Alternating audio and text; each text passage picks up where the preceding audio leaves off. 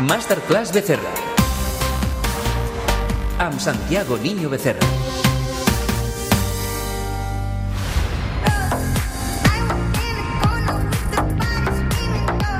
El tancament de l'empresa Nissan ha estat la gran notícia econòmica dels darrers dies a Catalunya. 3.000 llocs de treball directes i uns 20.000 d'indirectes que també es poden destruir. Són unes xifres terrorífiques. En vindran més de notícies tan dolentes com aquesta o quan es tanca una porta sempre se n'obre una altra. Comencem una nova edició de la Masterclass Niño Becerra.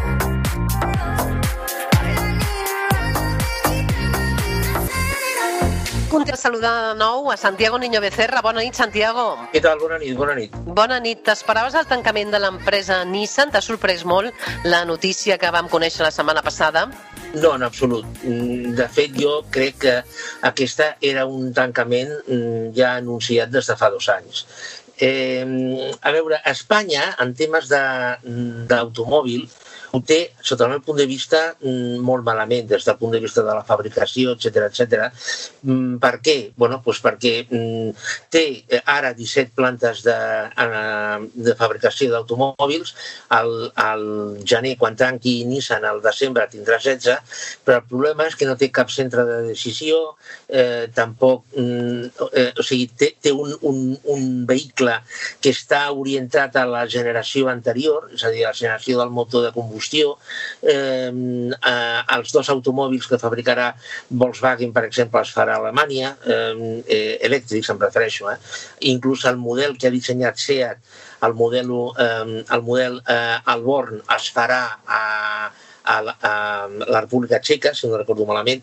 Eh, és a dir, mm, el, Espanya té un sector de l'automòbil que és molt potent, genera el 10% del PIB, però és un sector mm, antiquat i no s'estan fent les eh, inversions eh, ni sembla ser que hi ha el desig de potenciar aquest sector de l'automòbil espanyol. És a dir, jo crec que eh, o mm, passa un miracle, i parlo de miracle, eh, o el sector de l'automòbil a Espanya cada vegada hi anirà a menys ara ha sigut Nissan... Però, però una, cosa, una cosa, Santiago, també coneixem que el govern espanyol està treballant en un pla de reactivació de la mobilitat i del sector de l'automoció que vol incloure accions de donar suport al sector de l'automòbil al llarg de la cadena de valor. No? Per tant, encara no el coneixem exactament a quin és aquest pla, però el govern espanyol vol ajudar-lo perquè depenen, depenen moltes persones, eh? eh? moltíssimes. En el cas, per exemple, eh, de la Nissan estem parlant de 3.500 treballadors directes, 20.000 directes, estem eh, parlant de 23.500 persones. Clar, jo et pregunto també, aquestes persones trobaran feina? Bueno, mm, a veure, mm, aquesta és la gran pregunta que es pot mm, fer extensiva a, a les persones que tornaran dels CERTES eh, que estan en marxa. És a dir, hi ha, que, que, eh, hi ha més de 3 milions de, de treballadors que estan en ERTOs no? en, en, en aquests programes. Eh, si trobaran feina aquestes persones, pues, no ho sé, però ho tenen, ho tenen malament. És el, que, és el que comentava. És a dir, aquests, aquests treballadors, de, de, un treballador eh, que té 40 anys, 45 anys, eh, que porta 20 anys treballant a Nissan i que ho fa molt bé, que ho fa, estic segur, que ho fa molt bé, té moltíssima experiència.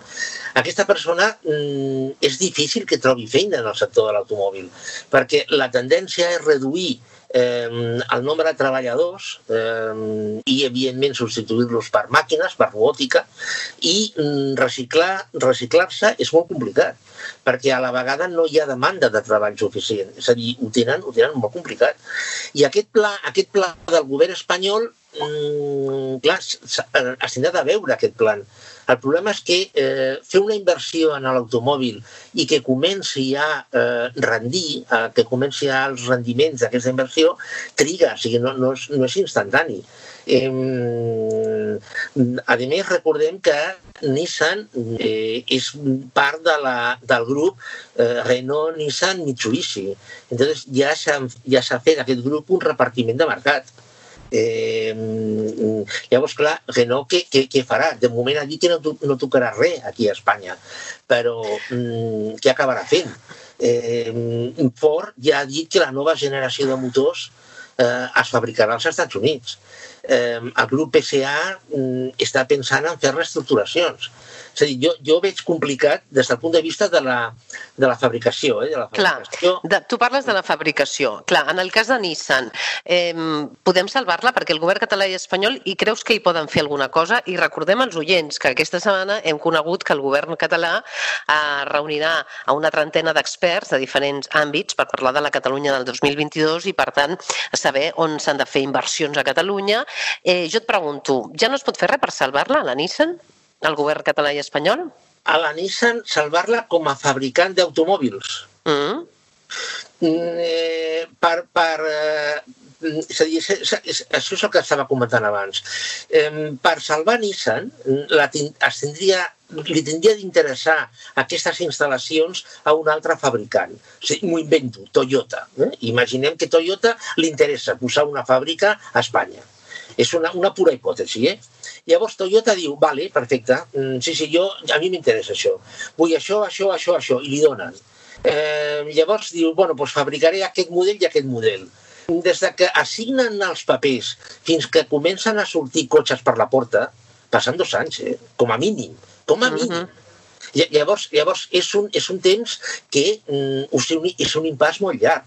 Jo, sincerament, tenint en compte que el model una persona, un cotxe, ja s'ha acabat, deixant de banda que ara augmenti el trànsit per al tema de, de la, de la Covid-19, eh? deixant de banda això. El model una persona, un cotxe mm, ha mort, jo crec, mm, jo no veig moltes possibilitats a, les, a la fàbrica de Nissan per fabricar automòbils.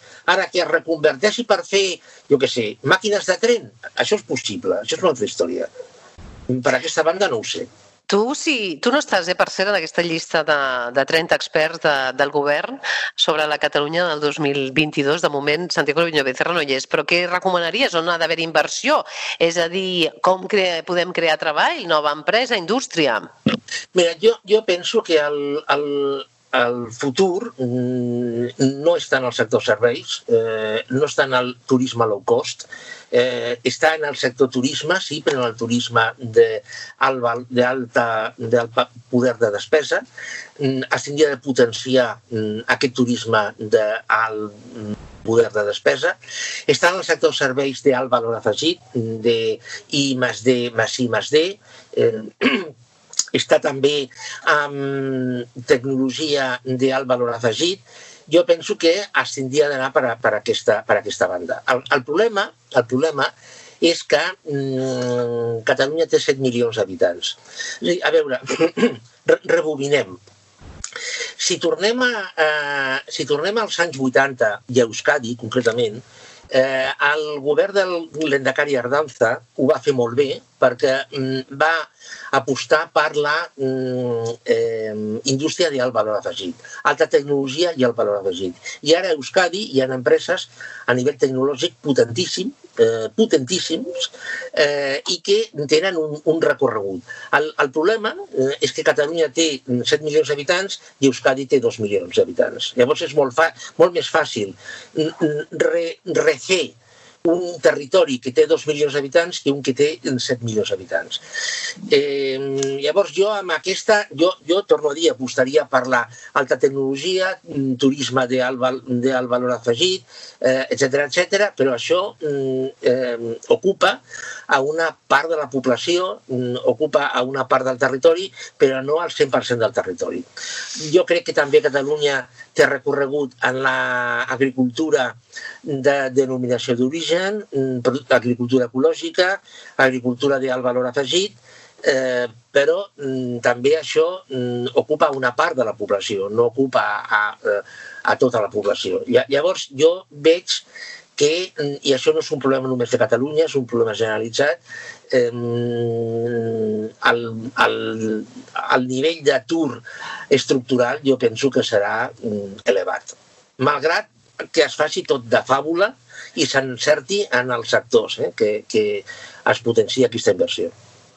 Per tant, eh, tu per aquesta Catalunya del 2022 que ja estaven parlant, empreses tecnològiques, turisme de valor afegit, agricultura ecològica també en valor afegit, eh, tornant un, un altre cop eh, en el sector de, en el sector de l'automoció.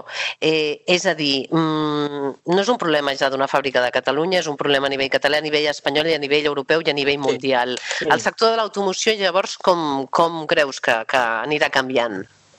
Jo, jo, penso, jo penso que, torno a dir, eh, deixant de banda els propers mesos eh, que la gent anirà al seu cotxe per evitar un contagi, etc etc. jo penso que el futur, mm, el futur és un futur mm, a dos, tres anys vista ja, eh, el, el, el nombre de desplaçaments baixarà moltíssim, moltíssim, perquè el treball a distància, el teletreball, es potenciarà. Mm, ja, ja estava inventat a començaments dels 90, però ara s'ha vist que funciona, que funciona molt bé el, el teletreball, que s'ha de reestructurar, però funciona molt bé. Llavors, el nombre de desplaçaments baixarà molt, eh, el mm, vehicle compartit eh, no, mm, jo, jo crec que mm, creixerà moltíssim. Eh, vehicle compartit, autònom... Com a compartit, compartit ara que hi ha els possibles contagis no tan ràpid, no? Bueno, per això t'estic parlant de dos, tres anys vista, ah. eh, que ja tindrem una vacuna i ja tindrem de tot. Eh, un vehicle compartit, però atenció, sense xofer, és a dir, autònom, i a la vegada elèctric eh, és a dir, com petits bussos de 6-8 persones que vagin movent-se, no? I eh, per, llargues, per distàncies més llargues, mm, ferrocarrils, eh, el, el ferrocarril s'ha de millorar moltíssim, no és lògic, jo visc a Vilassar i no és lògic que de Vilassar a Sants el, el tren trigui 45 minuts, això no té ni cap ni peus, això s'ha de millorar moltíssim, eh, i, mm, torno a dir, vehicle compartit i vehicle eh, col·lectiu, que, que ja no dic públic, eh, que pot ser privat perfectament, però sí eh, eh, col·lectiu. Llavors, clar, el nombre de desplaçaments baixarà molt, i l'oferta, la, la, la demanda, perdó, la demanda de cotxe, del cotxe privat, ni cotxe, no? Això jo crec que s'enfonsarà. I quedarà sobretot els vehicles premium. És a dir, el que, el que es pugui comprar un Ferrari, evidentment tindrà un Ferrari. Eh, això és per descomptat, no? I no cal anar un Ferrari. És a dir, mm, mm, jo crec que l'escenari és aquest. Molt bé. Doncs, uh, per acabar, molt ràpidament, tema de les pensions. El rescat de l'economia espanyola per part d'Europa és qüestió de minuts. Per exemple, hi ha càlculs que diuen que aquest any ja no surten els números i que o la Unió Europea ajuda a pagar pensions o tenim un problema. Bueno, però a veure, és que això no és nou, Chantal. Això ja... Mm eh, ja fa anys que eh, eh, s'està, estem veient de que les pensions primer es van pagar amb la guardiola de les pensions, ara ja no queda res a la guardiola de les pensions i ara s'estan pagant en crèdits. És a dir, això no és nou. El que passa és que, bueno, és un, és un problema que jo penso que cap govern, eh, cap partit polític ha volgut mm, abordar perquè això significava vots. Eh, I llavors, eh, jo crec, és la meva, el meu punt de vista, eh, el govern de torn ha dit, bueno, otro lo arreglarà i hem arribat ja a un punt en què aquest eh, otro arreglarà pues, serà mm, un de fora el que, el que ens digui, escolti, s'ha de fer això, això, això i això Mm, i ho farem. I llavors el govern de Tor dirà, bueno, és que Brussel·les m'ho ha ordenat que ho faci. Llavors, bueno, jo, jo crec que anirà per aquí. Què passarà? Bueno, ja hi ha mm, coses damunt de la taula. Eh, agafar tota la vida laboral per calcular el càlcul de la pensió, eh, per fer el càlcul de la pensió, pagues extres, començar per les pagues extres mm, més elevades i, bueno, i retallar-les, Mm, I clar, clar, ja sé el que estaràs pensant, no? i els oients el que estaran pensant, que eh, jo he cotitzat per, eh, per una base que m'han dit per tenir dret a una pensió. Sí, sí, eh, això és cert. El problema és que no hi ha, no hi ha diners. Per què? Bueno, perquè els ingressos són més petits que les despeses. Llavors, clar, mm, és a dir, si, eh, si, de, si es vol mantenir la pensió, és a dir, això que es diu la sostenibilitat del sistema de pensions, si es vol mantenir mm, les pensions, és a dir, s'han de retocar, és a dir, s'han de mm. retallar, com una paraula. S'han de retallar, Va. que no hi ha més. Molt bé. Doncs veurem què passa. Com sempre, gràcies Santiago Niño Becerra per participar al Revolució 4.0 de Catalunya Ràdio. Una abraçada ben forta. Molt bé, gràcies.